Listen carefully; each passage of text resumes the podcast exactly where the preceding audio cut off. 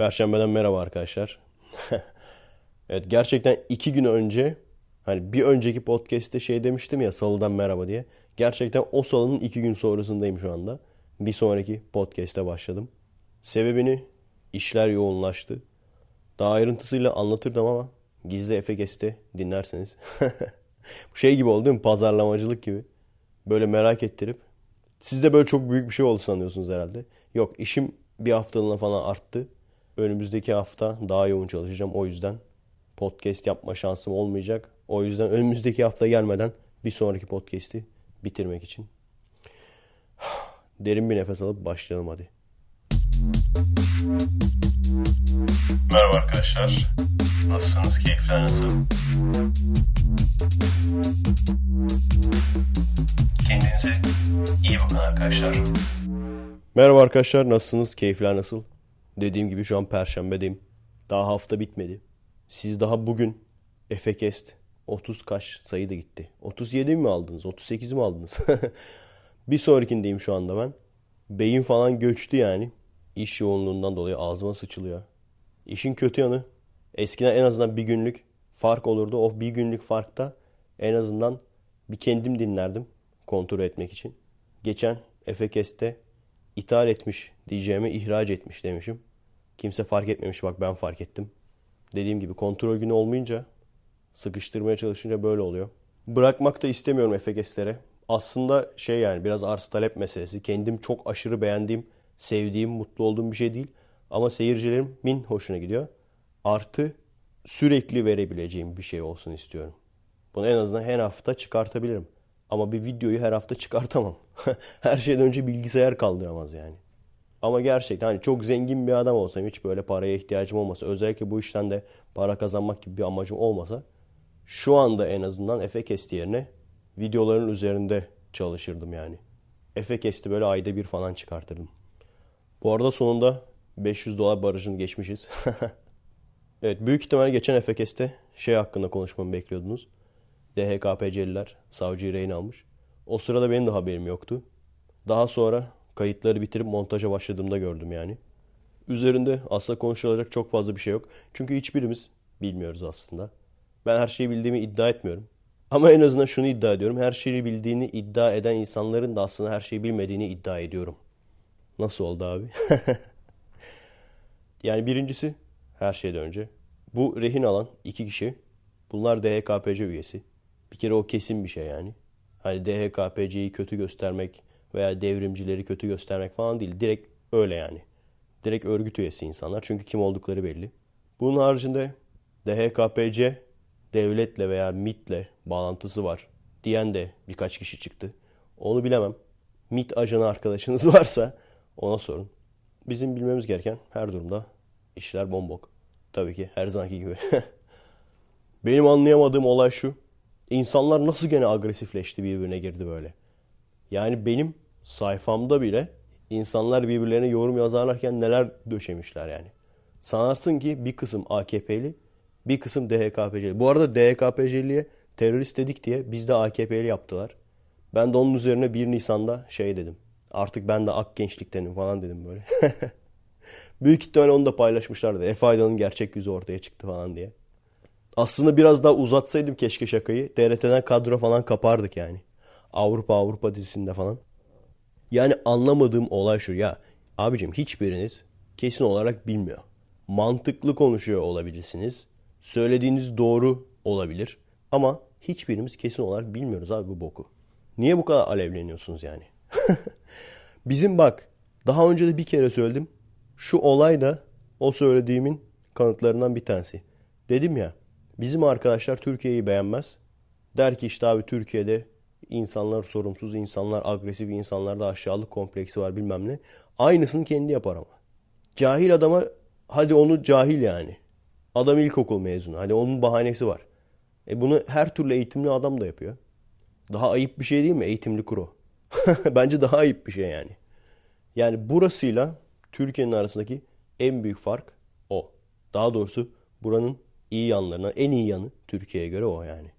Burada bir sorun olduğu zaman işte ne bileyim biri otobüse binmeye çalışıyor. Elinde gaz yağı var biliyorsunuz. Gaz da işte otobüse binemezsin. Bunu şoför güzel güzel açıklıyor. Adama da bakıyorsun adam böyle kocaman iri yarı zenci tamam mı? Ama şeyi de söyleyen de bayan yani. Hani giremezsin diyen de bayan. Adam o koskoca zenci paşa paşa tamam diyor. Tamam efendim diyor. Özür dilerim diyor. iniyor aşağıya. Anlatan da düzgün bir şekilde anlatıyor. Dinleyen de düzgün bir şekilde dinliyor. Bizde olsa ne olur? Önce bir ana avrat, ana avrat bir küfreden önce. Yani o kadar olmasa bile en azından bağırır yani adama. Bilmiyor musunuz kuralları falan diye böyle. Çünkü biliyorsun insana güzelce bir şey anlatmak ibnelik. Biliyorsun bizde bir sürü ibnelik var. Yani ibnelik kategorisine konulacak bir sürü şey var. Daha önce söylemiştim zaten yaya geçidinde yayaya yol vermek ibnelik. Birisine derdini güzelce anlatmak ibnelik. Ha güzelce anlattın diyelim. Sen güzelce anlattın diye adam seni iplemez. He he he tamam der. Gene girmeye çalışır. Güzelce anlatıyorsun çünkü. O ona bağırır. O ona bağırır. Ondan sonra adamını toplar. Veya aşağı inerler. Alt alta üst üste. Bak çok eminim aynı olay tamam mı? Türkiye'de ve burada yaşansa Seattle'dan bahsediyorum. Amerika'nın diğer şehirleri daha agresifmiş yani Seattle'a göre. Seattle biraz daha düzgün insanlar var. Kafalar rahat yani. yani diyorum ya yolda çok deli var.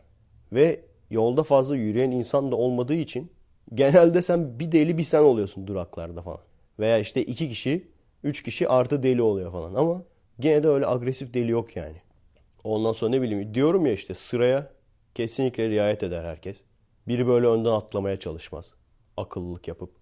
İnsanlarda şöyle bir zihniyet yok. Ben işte şoförün tanıdığıyım ben önden girebilirim falan. Yani adama sorsan özgürlük eşitlik der. Hepimiz eşitiz. Hepimizin oyu bir. Benim oyumla profesörün oyu bir olmalı falan. Eyvallah. İtirazımız yok. Ama ulan sen 250 gram bir orada şoförü tanımanın bile verdiği özgüvenle insanları ezmeye çalışıyorsun. İnsanların önüne geçmeye çalışıyorsun. 250 gramlık ya. Bu da var yani. Aşağılık kompleksin. Bu da ikinci getirisi. Herkes böyle yüksek ses çıkartarak gerek bağırma olsun, gerek yüksek ses müzik çalma olsun. Ben buradayım diyor yani. Gerek böyle adam sürünür ama gider takım elbiseyle gezer. Hani insanlar beni büyük adam sansın diye. Hani delikanlıdır, ağadır, kraldır. Ama kavga etmeye gelince teke tek girmez hiçbir zaman. Adam toplar. O olayı da hiçbir zaman anlamış değilim. Mahalle delikanlısı, kendine mahalle delikanlısı diyen adamların iş kavgaya gelince birebir gelmemesi hiçbir zaman. Veya birebir geldi dayak yedi hemen adam toplaması. Anlayamadığım şeylerden biri. Bizim zihniyet mi acaba? Yani daha önce de sormuştum ya Orta Doğu zihniyetinde mi acaba var bu? Türkiye'de adam mesela kendine yalancı dedi diye, kendine sahtekar dedi diye, söyledikleri yalan olduğu için çünkü, adamın evine polis salıyor. Tamam mı? Bilgisayarlarını toplatıyor, mahkemeye veriyor. Söylediği hoşuna gitmedi diye. Cevap vermek yerine polisle cevap veriyor yani. Ondan sonra kendisine saygısı olan bir ülkede, yani daha doğrusu insanların kendisine saygısı olduğu, kendisini ezitmediği bir ülkede olsa bu olay, adam saklamaya çalışır. Çünkü bu olay ortaya çıksa bütün ülke bu adamın üstüne kilitlenir. Bizde ne oluyor? Saklamayı geçtim. Adam övünerek ve abartarak anlatıyor. Abartarak anlatıyor. Hapse attırdık falan. Anladın mı? Aradaki fark bu. Biz de böyle bakıyoruz. Kuzu gibi. Aman işte bıçağı vardır evladım. Çünkü hep öyle öğretildi ya bize. Aman işte bıçağı vardır evladım. Aman uyma bunlara. Bunlar tehlikeli adamlar. Bilmem ne. Yani sinsin nereye kadar arkadaşlar? Evet. Kendi örgütlerinin zaten haber sayfalarına falan yazmışlar. Faşist polis. Barış isteyen gençlerimizi öldü. Ben zaten öyle yazarlar diyecektim. Hatta Twitter'da demiştim. Ben onu dedim zaten o, o esnada zaten yapmışlar öyle haberleri. Bakalım büyük ihtimalle şimdi o hani kim olursa olsun insan insandır deyip işine gelmediği olaylar olduğu zaman deliye saklanan arkadaşlar var ya. Büyük ihtimalle mizah dergilerinde falan bir kısmında görürüz diye tahmin ediyorum. İşte zavallı gençlere polis saldırdı. Ölümle tehdit ediyordu ama gençler ama aslında öldürmeyeceklerdi. Ondan sonra tabii şey kim olursa olsun insan insandır. İnsan hayatı zaten öyle demişler şimdi. Gençlerimiz öldürüldü. Gencecik insanlar. Tamam desinler. Artık hiçbir şey eklemeye gerek yok değil mi? Ben buna bir şey eklemeyeceğim artık. Daha önce zaten 80 kere söyledik. Tekrar söylemeye gerek yok.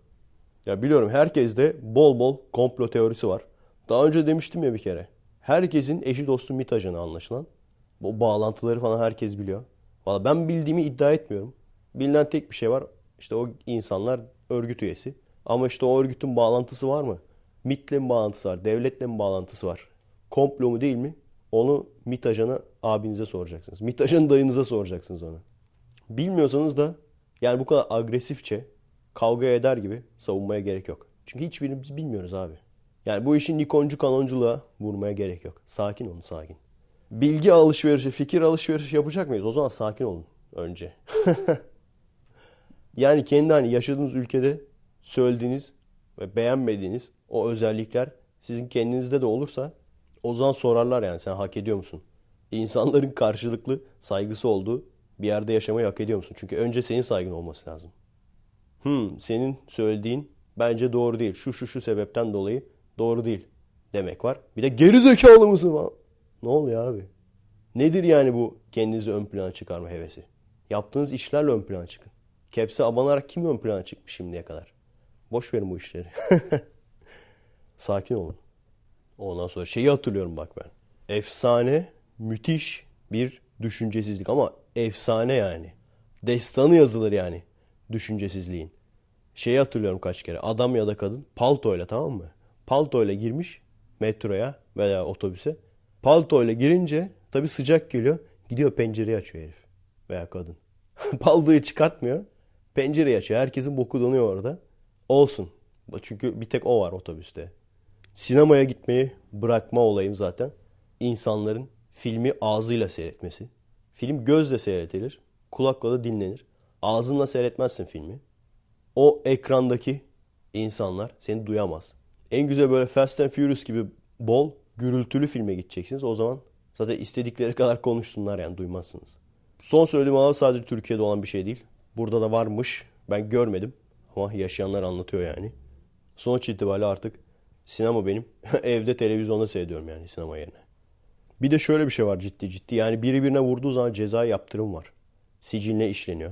Gerçekten iş bulman zorlaşıyor. Bizdeki gibi öpüştürüp barıştırmıyorlar yani. Hani mümkün olduğu kadar ben izole olmaya çalışıyorum tamam mı? Bu insanlar muhatap olmamaya çalışıyorum. Çünkü sinirlerimi bozacaklar. Bir tane söyle diye konuşun ağzın ortasına koyacağım. çünkü şey falan da değil yani. Hani sokaktaki öyle atarlanan adamlar profesyonel dövüşçü sanarsın konuşmasına baksa. Hayır. Götünü kaldırmaktan aciz adamlar. Göt göbek adamlar yani. Göt göbek adamlar ki hani yapılı olan yapılı birisine atar yaptığı zaman zevk alıyor yani. Onu anlatıyor arkadaşlarına. Bak diyor şu boyda şu boyutlarda birisi vardı ben bunu atar yaptım. Adamın zevk alma şeyi o yani. o şekilde adam yükseliyor. Şeyi çok duymuşsunuz. Ben çok duydum mesela. Adam ilkokul mezunu, ortaokul mezunu. Anlatır ama böyle üniversite mezunu geldi. Ona böyle öyle atar yaptım, gider yaptım. Hani üniversite mezunu olamadı bu şey gibi ya. Hani UEFA kupasını alamadık ama UEFA kupasını alan takımı yendik. Biz de artık büyüyoruz. Onun gibi bir şey yani. Dedim senin diplomanı alırım falan. Hele ki internet üzerine o bize ne dayılar geliyor. yani uğraşsan adamlarla ne olacağını biliyorsun yani. Utanmıyor musun küçücük çocukla uğraşmaya? Büyük ihtimal küçücük çocuk çıkacak çünkü o dayı. Büyük ihtimal 14-15 yaşına falan çıkacak. Utanmıyor musun? Senin yarı yaşında falan. Bir kere oldu ya bak şimdi hatırladım ha. Yazdıklarını caps yapmıştım. Screenshot yapmıştım. Ondan sonra direkt başladılar. 18 yaşından küçük bir genci böyle ifşa etmeye utanmıyor musun? Küfretmeseydin göt. Küfretmeseydin abi. Ben mi dedim küfret diye. Şeye bozuldular çünkü baya bir dalga geçildi adamlarla da. Ona bozuldular yani. Facebook üyeliğinin kilitlenmesi olayının birkaç tanesinden bir tanesi odur. Facebook değil de artık Twitter'dan paylaşım yapma sebebim o. Yani caps alıyorsun, screenshot alıyorsun. Artık en son hani soyad falan gizleyince o da kurtarmıyordu. İsim soyad komple sildim, gizledim. Onda da gene üyeliğim kilitlendi. Dedim bundan sonra Twitter. Facebook artık sadece Twitter'a bağlı benim. Neden? Facebook en azından kilitlense bile Twitter etkilenmez o yüzden. Diyorlar ki Twitter da aynı götlüğü yapıyor. Yani baya bir senedir ben iki senedir falan bu şekildeyim. Veya bir buçuk sene mi oldu tam da hatırlamıyorum. Yani bir buçuk iki senedir bu şekildeyim yani Twitter'dan gidiyorum. Şey olmadı yani. Henüz bir sıkıntı çıkmadı. Var ya farkındayım.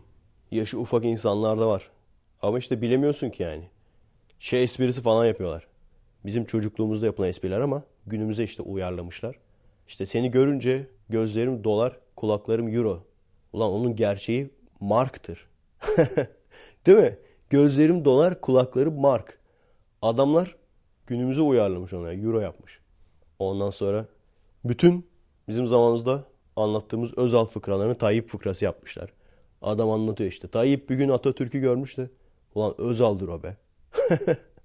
Bilmiyormuşuz gibi bize satmaya çalışıyor bir de. Bak hemen anlatayım hatta o fıkrayı da. Hatırladığım kadarıyla Özal'la işte Amerikan başkanı mı öyle birisi olması lazım. İddialaşıyorlar. Adam diyor ki bizim teknolojimiz çok ileri diyor. Biz artık ölüyü bile diriltebiliyoruz diyor. İsterseniz diyor işte siz de Atatürk'ü diriltelim diyor. Özal da diyor ki biz daha ilerideyiz diyor. 100 metreyi 3 saniyede koşabiliyoruz diyor. Adam da diyor hadi koş o zaman diyor. Özal da diyor sen Atatürk'ü dirilt ben zaten 100 metreyi 3 saniyede koşarım diyor. Onu işte Tayyip fıkrası yapmışlar. Kaç haftadır bak geri plana atılan bir konu vardı. Nötron bombası diye bir bombayı biliyor musunuz? Gerçekte kullanıldı mı bu bomba? Ben kullanıldığı bir olay bilmiyorum. Baktım yani göremedim. Nötron bombası dedikleri olay atom bombasına benzeyen bir şey. Ama bilerek patlama gücünü azaltıyorlar. Öyle olunca bombayı attığın zaman aşırı bir radyasyon açığa çıkıyor. Ve binalardaki insanlar o radyasyon yüzünden ölüyor. Düşman da geliyor elini kolunu sallayarak.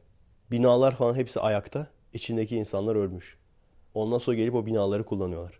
Ne güzel. Ne kadar yaratıcı insanlarımız var değil mi arkadaşlar? Her türlü yaratıcı şekilde insan öldürülür. Ben hala şeyi bekliyorum. Disintegrator. Bilim kurgu filmlerinde öyle ışınlar olur ya. Disintegrating laser veya işte disintegrating ray falan. Yani bir vuruyorsun adam tamamen yok oluyor. Düşünsene çok ilginç bir şey olmalı ya. Hiç acı hissetmiyordur büyük ihtimalle. İdam cezalarını öyle yapabilirsin.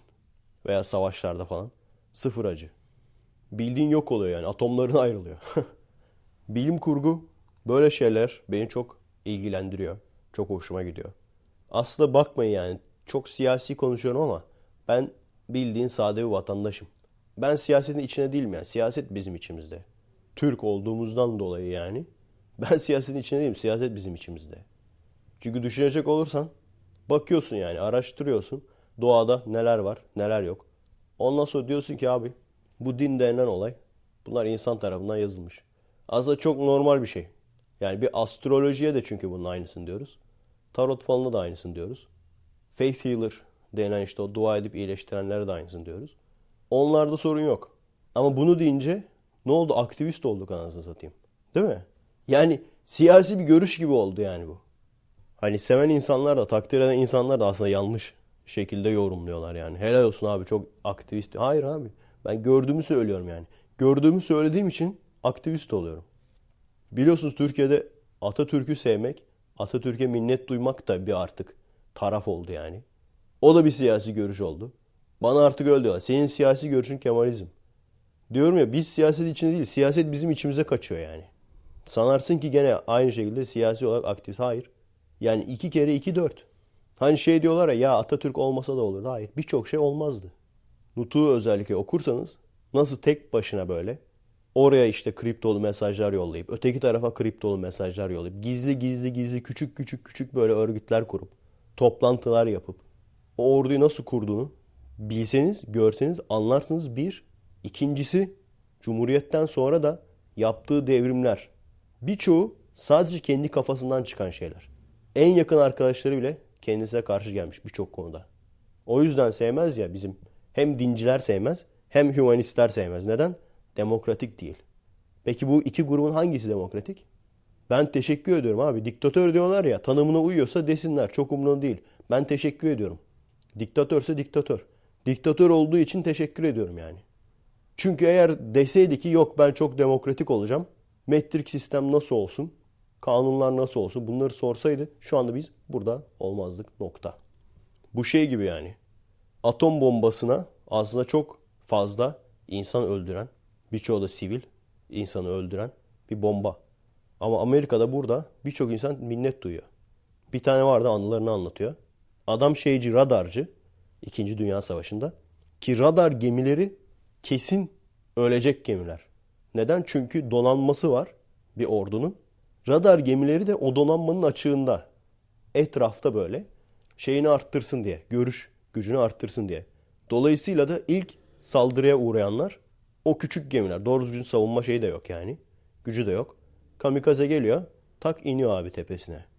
Adam kesin emin tamam mı? Bekliyor bakalım ne zaman öleceğiz. Bugün de ölmedik. Yarın ölürüz belki falan. Ondan sonra haberini alıyor. Atom bombası atmışlar. Japonya teslim olmuş. Ve adam bu şekilde hayatta kaldı yani. Bunlar dediğim gibi çok ilginç konular, çok derin konular yani. Bugün isteyen istediği kadar diktatör desin. Jacoben desin Atatürk'e. Eğer gelip de arkadaşlar bu böyledir, bu böyledir, bu böyle yapılacak, bu böyle yapılacak demeseydi şu anda ben de olmazdım, siz de olmazdın, hiçbirimiz de olmazdık. Veya bu şekilde olamazdık. Şeriat ülkelerinden büyük ihtimal bir farkımız olmazdı yani. Hayır, işin en komik yanı insanların iki yüzlülüğü yani. Diyorum ya hem dinci kesim hem de molotofçu kesim. Bunların hangisinde demokrasi var? Hangisi demokrasiyle yönetiliyor? Hangisi demokratik bir yapı? Var mı hadi eylem var, kepenk kapatılacak dendiği zaman birisi de çıksın desin ki ben demokratik hakkımı kullanarak kepenk kapatmayacağım. Bakalım ne yapıyorlar onu. Öteki tarafı zaten söylememe gerek yok yani. Dinci kesimi. Neyse buraya nasıl geldik ya gene? Nasıl geldik buraya ya? Hah hatırladım. Bilim kurgu savaşlarından geldik değil mi? Kafa gitti abi benim. Kafa bir milyon. Folloş oldum yani arkadaşlar. Ağzıma sıçılacak. Öteki hafta iyice sıçılacak yani. Devamı gizli Efekes'te. Kızmıyorsunuz değil mi arkadaşlar? Yani olay şu. Sizi böyle hani meraklandırayım, alevlendireyim de gidin de böyle üye olun da Efekes'te indirin falan değil yani. Sebep şu. Gizli Efekes'te başka konu kalmayacak. Çünkü Gizli Efekes'te kendi yaşadıklarımı benim başıma gelen şeyleri anlatıyorum ya. E onları da burada anlatırsam Gizli Efekes'te konu kalmayacak. Bir kere öyle oldu zaten. Düşündüm lan ben ne desem falan. Gençliğimi falan anlattım ondan sonra. Cumartesi günü bir artık hava almak için trekking'e gideceğiz. Trekking dediğim şey yani birkaç tane park var böyle. Bir parktan bir parka yürüyüş. Yollar da güzel oluyor yani. Hem yol ama yani etraf yeşillik. Oralarda çekmek istiyorum gizli efekesti. Evet sonunda konuya gelebildim. Bilim kurgu savaşlarından, gelecekte savaşlar nasıl olacak? Geçen hafta şey falan dedim ya drone falan. Ondan önceki hafta ölümsüzlük falan demiştik. Çok bak değişik bir şey söyleyeceğim. Bunu oturdum geçen gün. Aklıma geldi yani. Şimdi bak bizim normalde insan ömrü 35-40 sene. İnsanın yapısı bile ona göre yani. Biliyorsun 35-40 yaşından sonra doğru düzgün çocuk sahibi olamıyorsun bir. İkincisi dişler falan da yani dağılıp gidiyor. Ya takma dişe ihtiyacın oluyor. Ya zaten sürekli fırçalaman gerekiyor falan. Ama ona rağmen gene dişler bir noktadan sonra gidiyor. Üçüncüsü de yaşlı hastalığı diye hastalıklar var. Alzheimer var mesela. Yani vücut çalışıyor. 70 sene çalışıyor, 75 sene çalışıyor. Hala ölmüyor. Normalde 35-40 sene yaşaması gerekirken. Ve öyle olunca böyle bir yeni yaşlı hastalığı diye hastalık çıkmış ortaya. Düşünsene büyük ihtimalle orta çağda falan Alzheimer diye bir hastalık yoktu herhalde. Veya bu kadar sık gözükmezdi herhalde. İşte mesela yaşlıların davranışları, çocuk gibi davranmaları, çocuklarla çok iyi arkadaş olmaları, işte hava durumunu çok sevmeleri falan. Ve tabii dediğim gibi yaşlılara özel hastalıklar. Düşündüğüm şu, ileride daha da ömür artarsa, diyelim ki gerçekten rejenerasyon, vücudun kendi kendini yenilemesi bunları bulacaklar. Ve insanlar 300 sene yaşayacak diyelim. Şu an 75-80 sene yaşayacağına 300 sene yaşayacak. Ve tabii hani büyük ihtimalle rejenerasyon falan bulunursa o zaman hani hastalıklar da azalır aslında Alzheimer gibi. Ama 300 sene boyunca abi yaşıyorsun ve 300 senelik tecrüben var. 300 senelik hayat tecrüben var. Acaba o 300 sene yaşamaya göre de bazı hastalıklar çıkar mı? Çünkü çıkabilir. Düşünsenize delirebilirsin yani.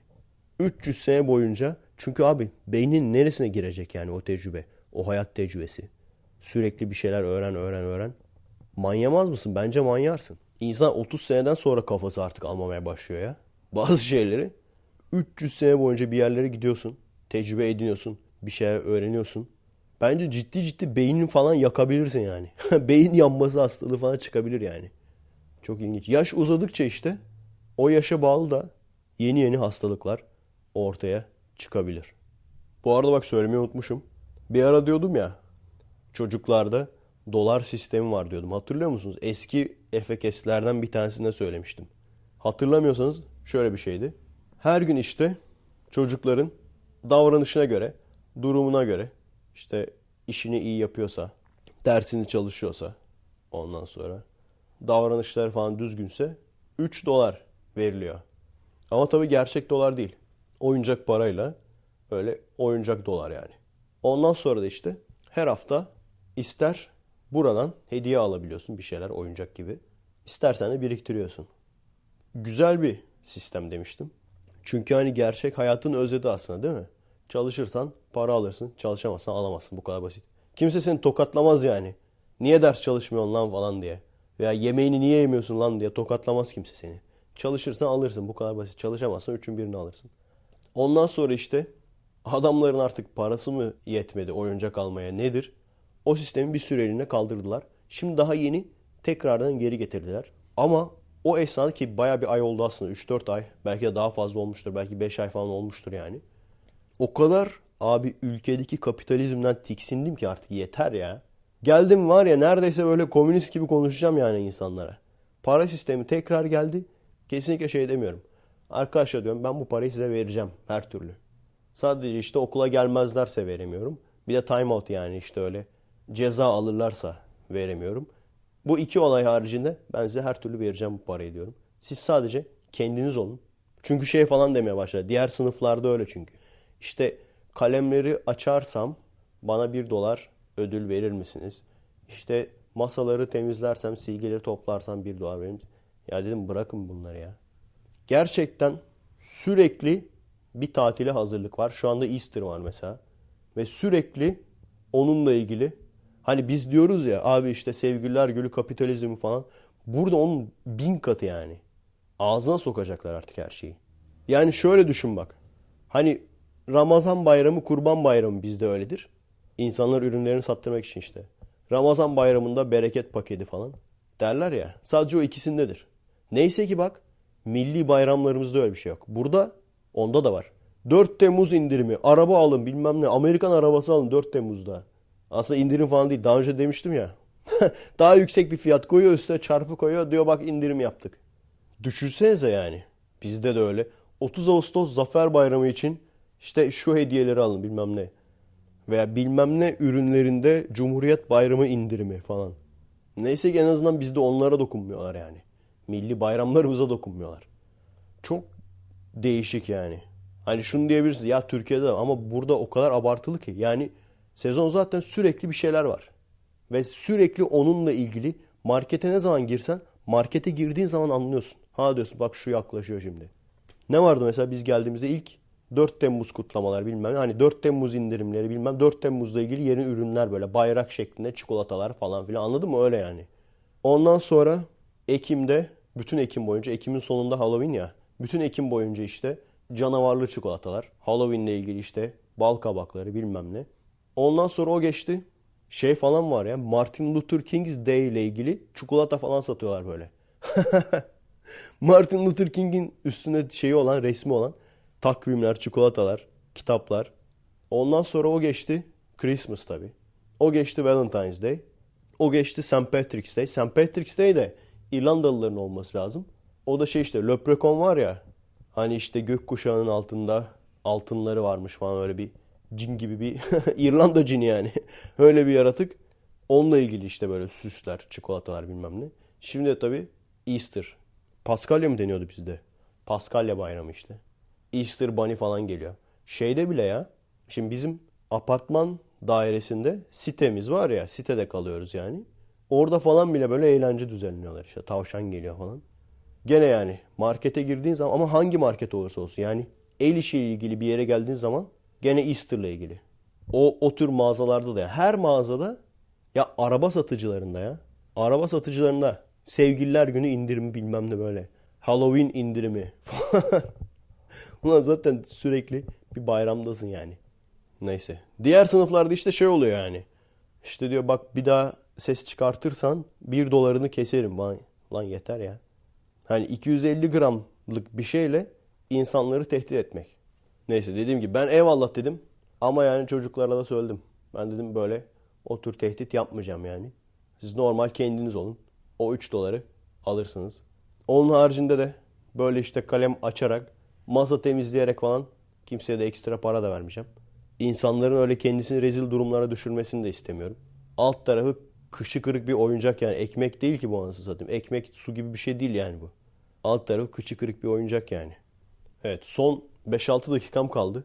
Burada çocuklara verdim testlerden bir tanesinde okuma parçası olarak. Okuma parçalarını falan okuyorum.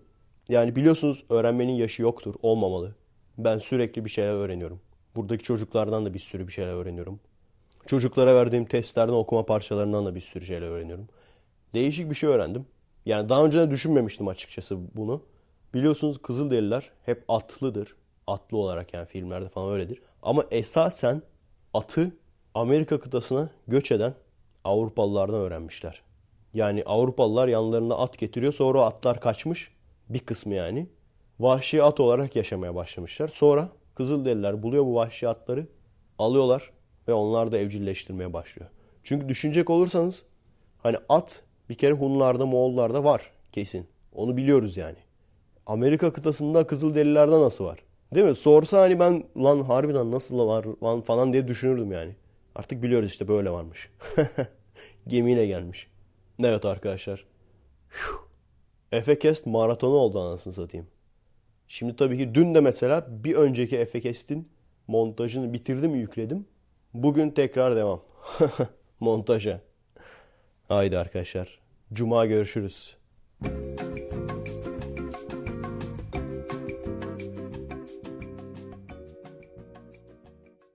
Evet, Cuma'dan merhaba arkadaşlar. Efekest maratonum devam ediyor. 6 gün üst üste podcast kaydedip eve gidip bir de onları montajlama derdi. Bir de diyordunuz ya abi birden fazla olsa keşke. Nasıl yapacağım abi normalde? Böyle bir şey yapmaya kalksam hiçbir video falan çekemem yani haftada bir yerine iki çıkartmaya kalksam. O yüzden haftada bir ideal. Gene uzun süredir konuşmak istediğim bir konu vardı. Sam Harris'in biliyorsunuz o da ünlü ateistlerdendir. Daha böyle az agresif olan ateistlerden biri olduğu için daha böyle efendi bir adamdır yani. O yüzden severiz kendisini. Onun konuşmasında söylediği ilginç bir şey vardı. Diyordu ki mesela şimdi biblical scientist veya biblical biologist diye insanlar var. Bunlar işte ilk insan Adem ve Havva'dan gelmek zorunda olduğu için eski ahite göre bilimi ona uydurmaya çalışıyorlar. İşte evrim olamaz, yaratılışın kanıtları vardır falan bir şeyler uydurmaya çalışıyorlar. Genelde şey ayarında oluyor.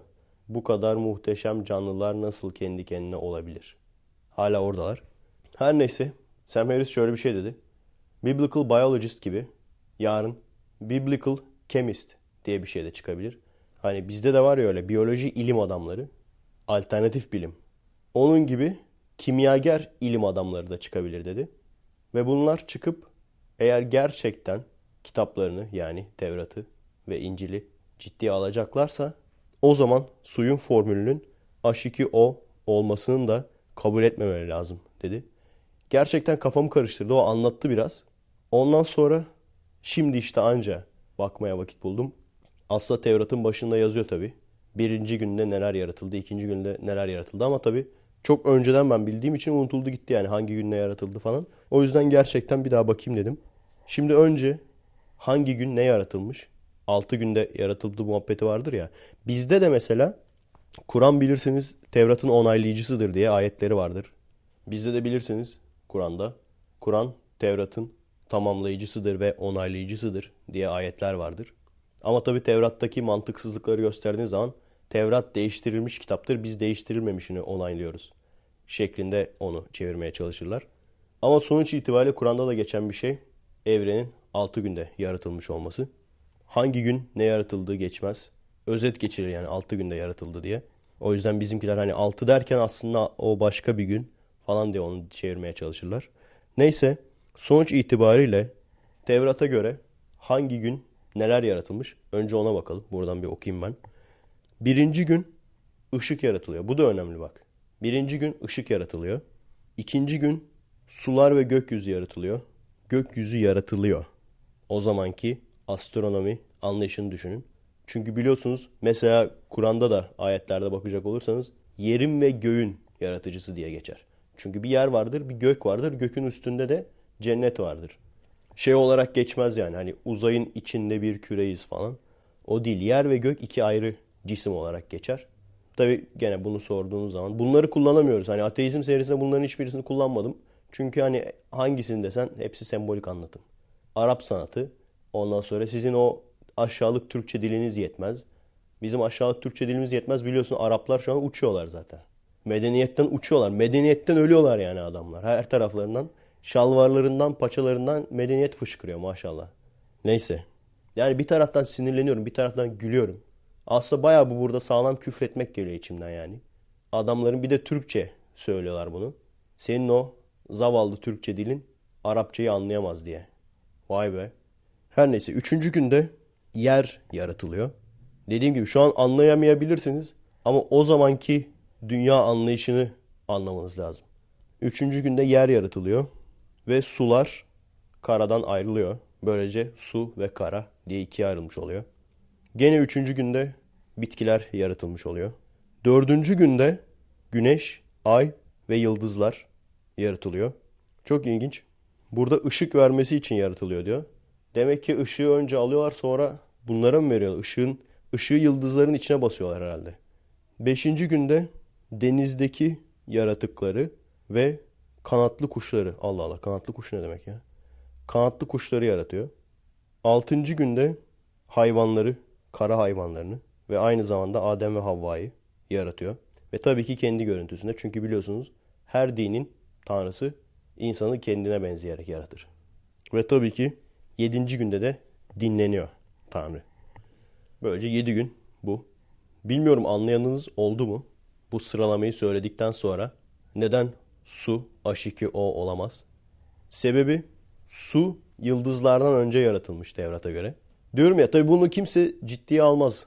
Ama madem her ayeti ciddiye alacağız, değil mi? Her söyleneni ciddiye alacağız. Bunu da almamız lazım değil mi? Eğer sular yıldızlardan önce yaratıldıysa, çünkü burada öyle diyor. Sular yıldızlardan önce yaratıldı. Yıldızın içindeki hidrojen, yıldızları oluşturmuş olan hidrojen, daha sonra ortaya çıkan daha ağır gazlar, oksijen gibi ve bunların birleşip suyu oluşturması mümkün olamaz. Gerçekten öyle. Eğer su yıldızlardan önce yaratıldıysa. Tabii şey de çok saçma. Işık yıldızlardan önce yaratılmış olması. Ama burada şöyle açıklamışlar. Hani ışık varmış Sonra yıldızlar yaratıldığı zaman o ışığı yıldızın içine basmışlar. Ve tabii ki kuşların kara hayvanlarından önce yaratılması. Çünkü normalde kuşlar nedir? Dinozorların evrimleşmesi sonucu meydana gelmiş hayvanlardır. Dinozorların tek varisi şu anda kuşlar. Çok acayip gelebiliyor tabii. Ama şu an gittikçe daha da fazla kanıt bulunuyor. Tüylü dinozor diye bir şey var. Dişleri olan kuş diye bir şey var o tüyleri kollarında olup tam kendisini uçuramadığı halde gene de geçici olarak uçarak hem saldırganlardan kaçmaya hem de avını yakalamaya yardımcı olan ilkel kanatlı kuş dinozor karışımı hayvanlar var. Bunların hepsinin kalıntıları bulundu. Birkaç hafta önce madem dinden girdik gene şu konuyu da konuşalım. Birkaç hafta önce şey demiştim. Şu anda gerçekten bizim bilgi edindiğimiz, bir şeyler öğrendiğimiz, takip ettiğimiz bilim adamlarının hepsi dinsiz çıktı. Gerçekten öyle. Hani hepsi dinsiz çıkması dinin gerçek olmadığını kanıtlar diye bir şey demiyorum. Çünkü yarın bir gün dinsiz olmayan biri de çıkabilir. Bizim sevdiğimiz, takip ettiğimiz bilim adamlarının içinde veya işte kafası çalışıyormuş dediğimiz adamların içine çıkabilir yarın bir gün. Ama şu anda yok. Bunu söylemiştim. Gene alevli, ilmi dinci arkadaşlardan bir tanesi. Freeman Dyson'ı örnek vermiş. Şu anda yaşayan. Çünkü hayatta olan demiştim ben. Şu anda hayatta olan. Birkaç gün önce de dinlediğim podcastlerden bir tanesi. Çok podcast dinliyorum. Yabancıların. Hangisi olduğunu hatırlamıyorum o yüzden. Orada da gene Freeman Dyson'dan bahsetti. İkinci Dünya Savaşı'nda görev almış. Bu bombaların daha etkili olabilmesi için çalışmalar yapmış falan. Daha sonra da genelde öyle olur ya. İşte yaptıklarının sonuçlarını görünce pişman olmuş falan. Ama olay şu. Adam 1923 yılında doğmuş. Kaç yaşında oluyor? 90 küsür yaşında bir adam. Yani ben size dedim ya. Bak şu an 81'liyim ben. 81 değil de 51 yılında doğmuş olsaydım 1951 belki ben de dinsiz olmayacaktım. Bir. İkincisi şu konuda insanların bize atarlanan, cahil cesaretiyle böyle alevli konuşan arkadaşların şu iki yüzlülüğünü sevmiyorum. Bak biz gerçekten merak ediyoruz. Şu nasıl olmuş? Evren nasıl olmuş? Süpernova ne? Kara delik ne? Şu solucan deliği diyorlar ne bu ya falan. Sicim teorisi ne bu ya? İlk insan nereden gelmiş? Bitkiler nereden gelmiş? Bunları merak ediyoruz gerçekten. Merak ettiğimiz için bunların belgesellerini seyrediyoruz. Bunların uzmanı olan insanları takip ediyoruz. Sen bunu yapmıyorsun. Sen ne yapıyorsun abi? Bakıyorsun internet sitelerinde dini imanı olan bilim adamları. İsim, liste alıyorsun. Sen bu adamları takip etmiyorsun. Sen şey değilsin yani kuantum mekaniğini ben acayip merak ediyorum mesela. Bakalım bu adamın çalışmalarını takip edeyim. Aa bu adam da dini imanı olan bir adammış. Hayır. Sen araştırıyorsun dindar bilim adamları diye. Newton'la geliyorlar 500-600 sene önce yaşamış adamla. E, o dönemde yaşayan doğduğundan beri tek gerçek bu olan adam tabii ki buna inanacak. Millet şunun farkında değil. Darwin kendisi dindar bir adam. Darwin. Ateistliğin babası işte ateizmi yaymak için bilmem ne yapmış. Adam kendisi ağır dindar bir adam. Ve öldüğü zaman bile agnostik olarak ölmüş. Lan ya yoksa falan hani bu kafada ölmüş. Onu böyle gazlayan arkadaşları daha ateist. Ve zaten mesela evrimle ilgili yazdığı bir şey vardı. Richard Dawkins'in kitabında okumuştum galiba. Zencileri anlatıyor. Öyle bir anlatmış ki. Diyor işte bakın diyor zenciler maymunlara daha yakındır. Çünkü işte burun deliklerine bakın. Bilmem nesine bakın. Şurasına bakın. Yani şu an birisi onu dese ağzına sıçarlar yani ırkçılıktan. Ama o zaman olayın normu buymuş. Zencilerin beyazlar seviyesinde bir insan olabileceğini kimse düşünemiyor bile. Yani herkesin kölesi var. Köleliği kaldıran adamların bile kendi kölesi var yani. Yani aramızdaki fark bu. Bizler bakalım ne yapsak da hangi bilim adamlarını kullansak da işte Allahsızlığı, dinsizliği yaysak kafasıyla çıkmıyoruz ortaya. Hatta ben tam tersiye çıkmıştım. Ben araştırmayı hep seven bir insandım. Kendime Müslüman dediğim zamanlarda da öyleydi yani. Şu evrimcileri göt edelim. Şu evrimcinin haksız olduğunu kanıtlayalım. Ateistlerin haksız olduğunu kanıtlayalım. Ondan sonra ne oldu? Her şeyden önce bir kere evrimin gerçekte ne olduğunu öğrendim.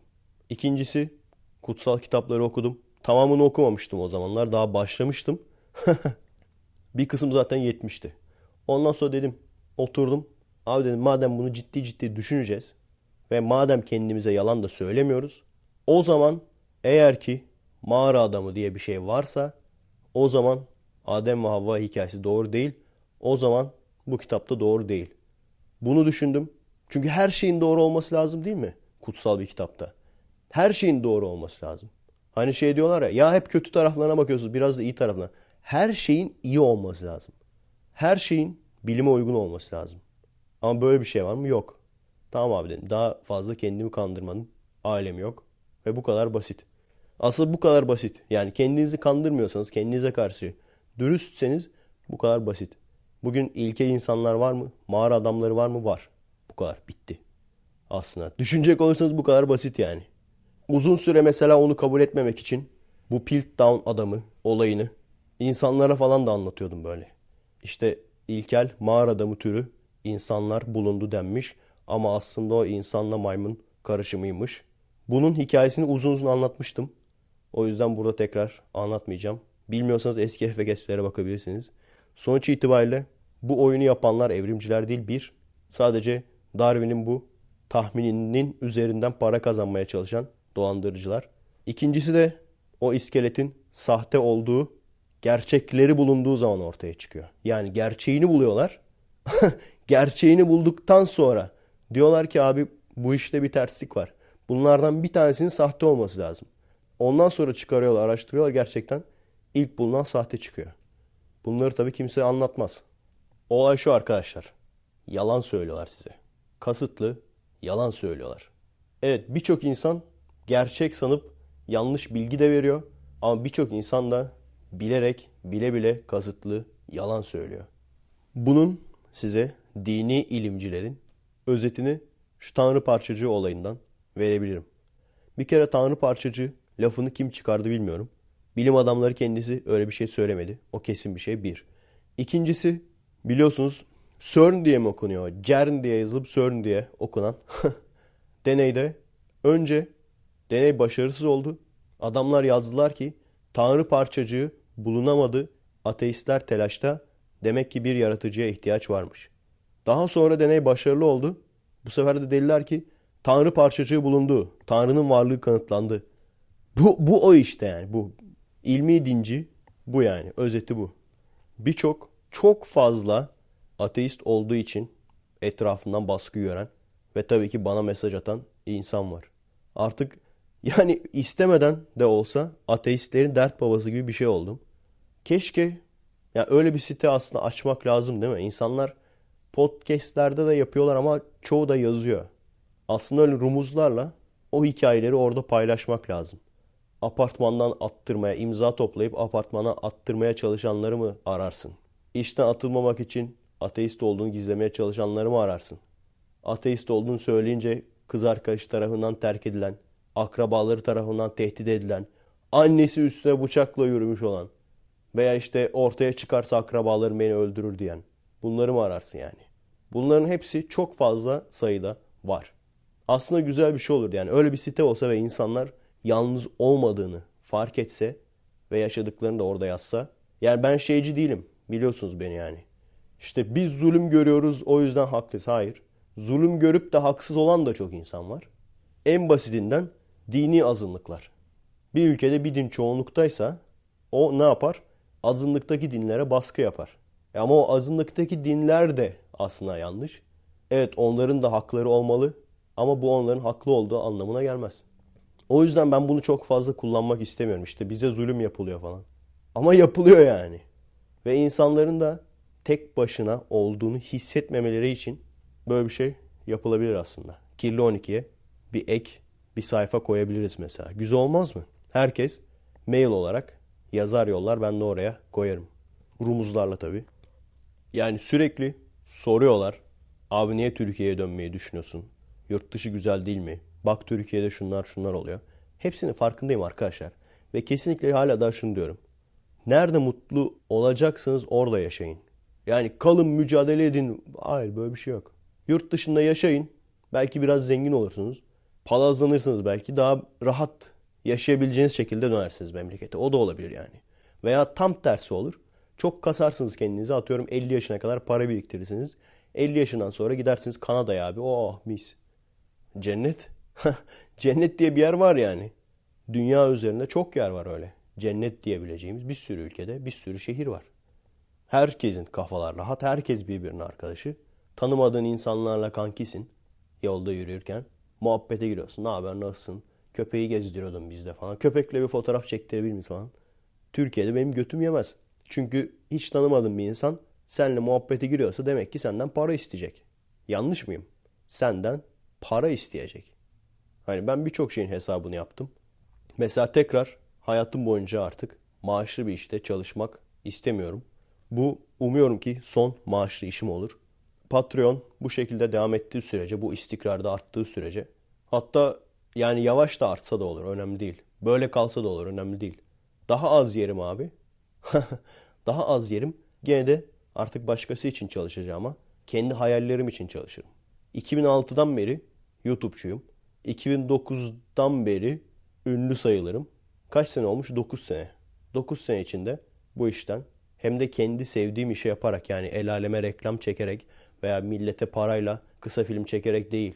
Sevdiğim işi yaparak aklımdakileri hayatta geçirerek iyi kötü bir şeyler kazanma şansı buldum. Bundan sonra da buna devam etmek istiyorum. Yani manyak seviyorum. Nasıl seviyorum anlatamam yani size filmciliği. Çünkü onun bak yazmasını ayrı seviyorum. Hayal kurup yazmasını ayrı seviyorum. Onun proplarını yapmasını ayrı seviyorum. Böyle arkadaşları toplayıp bir grup çalışması, organizasyon yapmasını ayrı seviyorum. Onun böyle efektleriyle oynamasını, efektlerini yapmasını ayrı seviyorum. Hepsini ayrı seviyorum yani. Oturup da seyretmesini de ayrı seviyorum yani. Yani arkadaşlar hani hep şey diyorlar ya ateist olmak kolaya kaçmak. Bana da hep öyle mesaj geliyor. İşte ateist olmuş ama işte ailesi şey demiş. Sen kolaya kaçıyorsun falan. Ben de çok duydum onu. Kolaya kaçıyorsun olayı şu. Hani işte namaz kılmak zor geliyor insanlara. Ondan sonra zina yapmamak zor geliyor. O yüzden ateistim diye veriyorlar. Yani o kadarcık şeyi akıl eder yani. 70 sene, 75 sene ibadet edeyim. Ondan sonra sonsuza kadar mutlu, rahat bir hayat yaşayayım. Ki bir düşünün arkadaşlar. Ben burada gerçekten cennet sayılabilecek mahallelerin arasından geçiyorum bazen. işe giderken. Gerçekten bak dört dörtlük cennet sayılabilecek mahallelerin içinden geçiyorum. Hırsızlık yok. Adamlar artık şeyleri bile yok ya. Bahçelerin o bahçe duvarları falan bile yok yani. Hani istesen yürür girersin. Ondan sonra yola bakan böyle basket potaları koymuşlar falan. Araba geçmiyor doğru düzgün falan. Her yer yeşillik. Hani bazen böyle cennet şeyleri yaparlar ya filmlerde falan. Cennet sahneleri. Aynen öyle yer tamam mı? Geçerken düşündüm ulan dedim. Ne kadar sıkıcı bir yer lan burası. yani düşünün arkadaşlar. Öyle bir yerde yaşasanız sıkıntı ölürsünüz anasını satayım ya.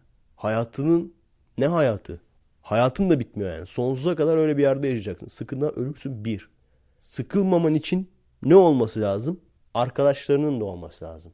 Arkadaşlarının gerçek versiyonlarının da olması lazım yani. E arkadaşların olduğu zaman mutlaka aranızda tartışma çıkacak, kavga çıkacak. Yani imkan var mı kavgasız mutluluk veya sorunsuz, sıkıntısız? Yani diyorum ya bunu hayal eden kişi bu kadarını düşünememiş. Sonsuz zevk konseptini, sonsuz acı konseptini bu kadarını düşünememiş yani. O yüzden aslında ateist olmak kolaya kaçmak değil, zora kaçmak. Çünkü herkes demez mi? Hatta ateizme geçmeden önce de çok fazla bocalayan, çok fazla düşünen insanların da söylediği şu. Abi der ben eğer hani öldükten sonra bir yere gitmek için yaşamayacaksam o zaman hayat çok anlamsız gelir bana. Hayat çok boş gelir bana. Uzun süre bu yüzden dinsiz olmamıştır. Çünkü arkadaşlar ateist olmak kolaya kaçmak değil, zora kaçmak. Size hazırdan bir hayatın anlamı verilmiyor. O hayatın anlamını kendiniz yaratmanız lazım. Kendiniz bulmanız lazım. Çünkü burada görüyorum. Ben de burada kalsam, kalmak istesem, benim de rahat bir hayatım olur. Ama ne bu hayat? İşe git, eve gel ve gerçekten alanlar o kadar birbirinden uzak ki.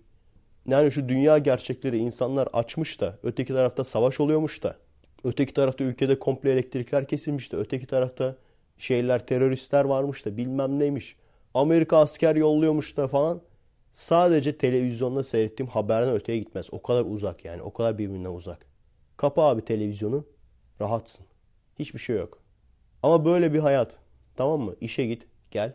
Ondan sonra işte biraz daha para kazan. Paran artsın. Paran arttıktan sonra daha iyi. Belki o cennet dediğin evlerden bir tanesini al. Onun bakımıyla uğraş. Onun morgıcıyla uğraş. Biraz daha para kazan. E bunun sonu ne? Bu hayatın bir anlamı var mı? Bence bence yok. Yani gördüğünüz gibi ateist olmak zora kaçmak aslında. Hayatın anlamını biz yaşıyoruz ama bu hayatta biz ne bıraktık? Hayatın anlamını kendin yapmak. Kendin yapmaya, bulmaya çalışmak. O yüzden zor olan aslında. Ama her seferinde söylüyorum çok daha mutluyum. Çok daha hayattan tatmin alıyorum. Bu hayatı abi işte tamam maaş alıyoruz, eve gidiyoruz, geliyoruz. Vakit geçiriyoruz ölene kadar. Öldükten sonra da esas hayat başlar. Düşüncesiyle değil, bu hayatı dolu dolu yaşayarak mümkün olduğu kadar çok şey öğreneyim. Mümkün olduğu kadar çok yer gezeyim. Mümkün olduğu kadar çok proje yapayım. Belki bu insanlara, Türklere bir şey katayım. Diyorum ya mesela hani kısa film bile olsa iyi prodüksiyon kısa filmler yapmaya başlamak istiyorum. Özellikle de bu Patreon sayesinde gelirim de oldu artık. Hem ekipman alacak, hem prop yapacak, hem insanlarla birlikte çalışacak, diğer insanlarla çalışacak bir getirimiz, gelirimiz olduğu için istiyorum ki mesela gerçekten ben nasıl böyle film tutkunu bir insansam, film çekmekten, bir şeyler çekmekten mutlu oluyorsam, hayattan tatmin alıyorsam aynı şekilde benim gibi başka insanlar da var. Prop yapmayı çok seven, bir şeyler yaratmayı, üretmeyi çok seven. Özellikle manyak cosplayciler var bir sürü. Bilirsiniz. Mesela onlarla çalışsam, onlara parayla bir şeyler yaptırsam ve onlar da bunu iş olarak yapsalar. Az da olsa. Ondan sonra gidip Türk bir müzisyenle anlaşıp ona da bir iki bir şey versem. O da bu filme müzik yapsa. Ondan sonra gitsem bizim After Effects'çilerimiz var. Bizim 3D'cilerimiz var. Türklerde hepsi var. Doğru düzgün para kazanamıyorlar. Gidiyorlar sucuk pastırma reklamı yapabiliyorlar anca. Ondan da o kadar tatmin aldıklarını sanmıyorum yani ama ne yapacaksın para. Onlara da mesela bu tür projeler verip bilim kurgu mesela. Abi bana 3D robot animasyonu yapar mısın? Onlara da gene bu tutkularından para kazandırtsam. Zaten karikatürcülere, animasyonculara az bir şeyler vermeye başladım. Bu bile bak bir kişinin fikri bir sürü insanın ona yardım etmesi, Sonra o yardımdan başka insanların da faydalanması. İşte bu tatmin bence. Bence tatmin bu yani. Bu arada dün Atatürk'ün devrimlerinden bahsetmiştik. Biliyorsunuz harf devrimi yüzünden bir gecede cahil kaldık. Onu zaten biliyorsunuzdur. Türk Medeni Kanunu yüzünden de bir gecede abazan kaldık. Dedelerimizin cariyelerini e, sevemedik. Dedelerimizin cariyelerini okuyamıyoruz. Medeni kanun biliyorsunuz kadın hakları ile ilgili olan kanundur. Somut olarak ama neler getirmiş bu kanun onlara bakalım. Ailede kadın erkek eşitliği sağlanıyor.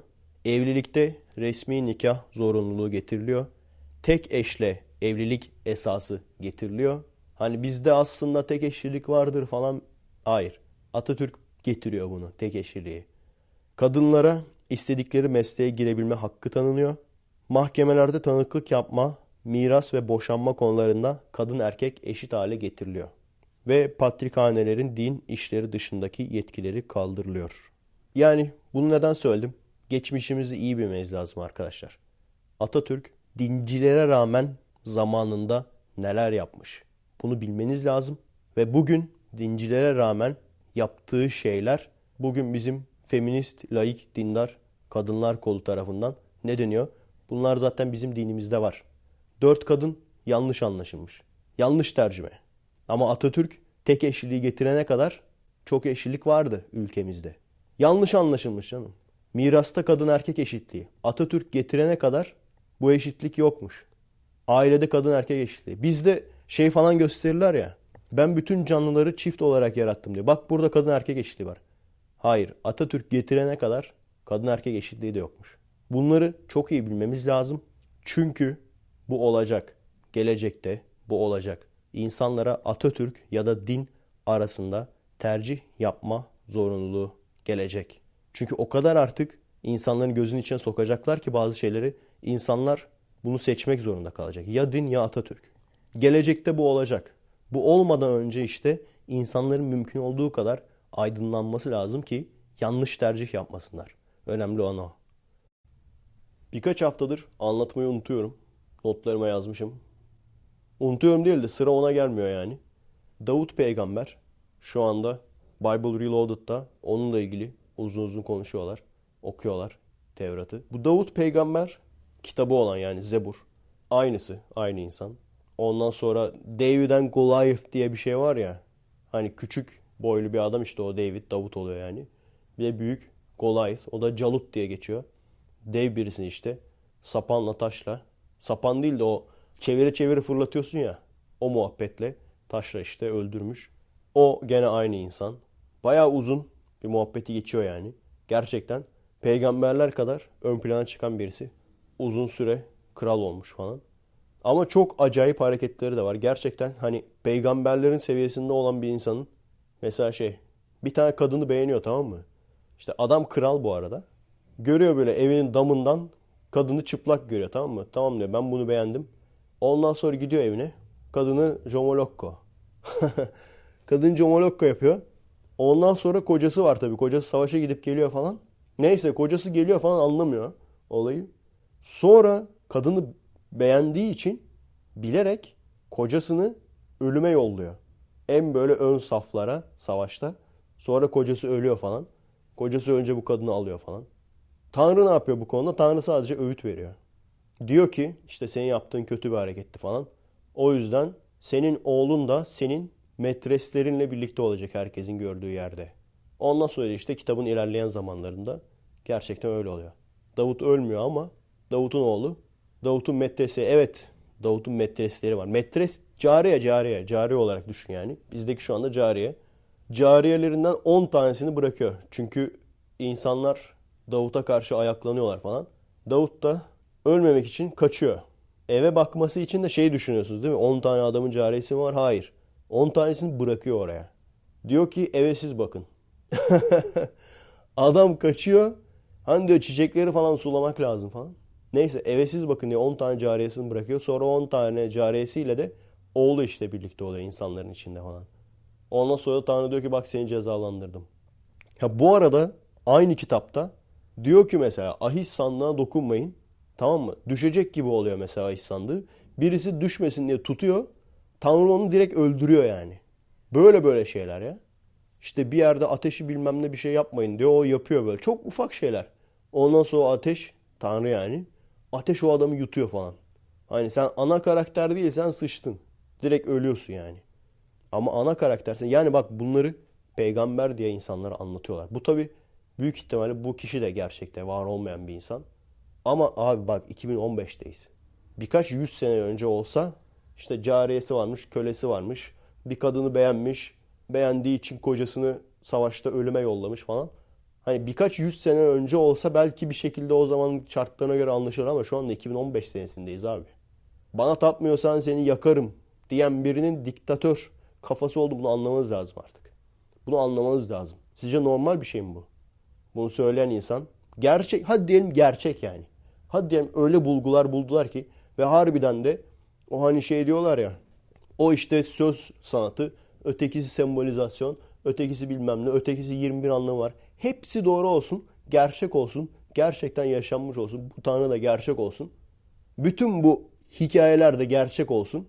Bu hikayeleri yapan, bunları yapan bir taneye siz tapar mısınız? Ben tapmam abi.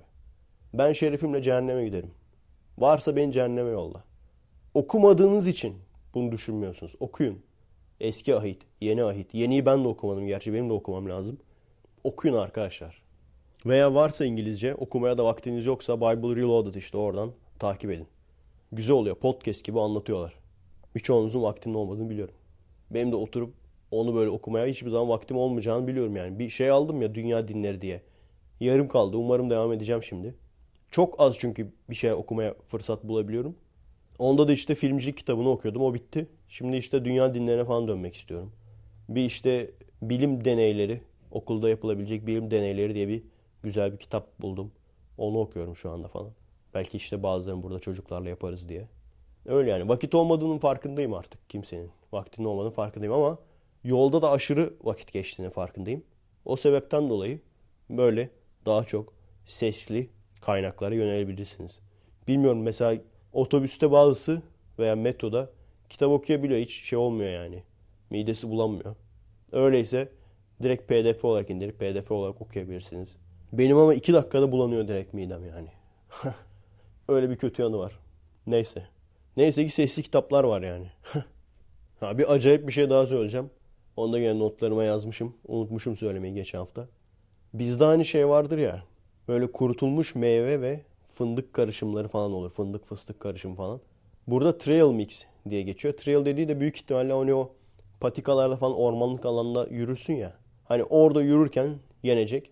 Biz de trekking yaparken onlardan çok yiyorduk. Fındık, kuru üzüm falan. Onun bir de daha güzeli var yani. Lüks karışık, atom karışık. Vardır ya Tuğba'da mıydı? Çerezcilerde var yani öyle. Atom karışık, nötron karışık. Sanarsın ki şey. Abi oradan 250 gram uranyum. Yarım kilo radyum at abi. Hepsini karıştır. patlıyor ha. Onu diyordum işte. Burada atom karışık değil de trail mix diye geçiyor. Artık genelde de onlardan yemeye çalışıyorum. Artık çikolatadan bıktım yani. Diyorum ya zayıf olmak daha çok para istiyor veya sağlıklı olmak daha çok para istiyor. Sağlıklı beslenmek. Ama artık biraz da maaşlar da falan böyle 100-200 dolar arttı. Çalıştığımız saatler arttı çünkü. Artık biraz daha sağlıklı şeyler alacağım. O trail mix'i alayım dedim. Ulan çıldıracağım ya. Bak gerçekten artık komik bile değil yani. Bilmiyorum siz gülecek misiniz? Artık komik bile gelmiyor yani. Aldım abi fındık fıstık karışımı yani neyse ki almadım. Elime aldım yani baktım. İçinde bonibon var. Ay ananı avradını ya. Ulan sağlıklı beslenmek için aldığım bir şey o kurutulmuş meyve alıyorsun. Fındık fıstık. Bu arada fındık çok zor bulunuyor ve çok pahalı. O da çok garip. Fıstık kolay bulabiliyorsun. Fındık çok pahalı. Bademden falan daha pahalı yani. Neden bilmiyorum. Aldım tam alacağım abi. İçinde çikolata var. Ulan şey buldum kuru üzüm buldum. O da öyle çikolata kaplamalı. Aradım ondan sonra çikolatasını bulamadım. Meğer çok alakasız başka bir yerdeymiş. Artık komik bile değil ya. Gülüyoruz ama sinirden yani. Yok mu abi sizin yani sağlıklı besleneceksin onun içine bir çikolata atıyorlar. Anasını satayım. Neyse kendim aldım abi kendim yaptım solüsyon. kendim karma yaptım yani. Evet arkadaşlar büyük ihtimalle bu haftalıkta bu kadar. Gene yarı komik yarı alevli bir konuşma oldu. Tam istediğiniz gibi oldu. Adresimiz youtube.com bölü kommek, twitter.com bölü kommek. Destek olmak isteyen arkadaşlar için patreon.com bölü Efe Aydal.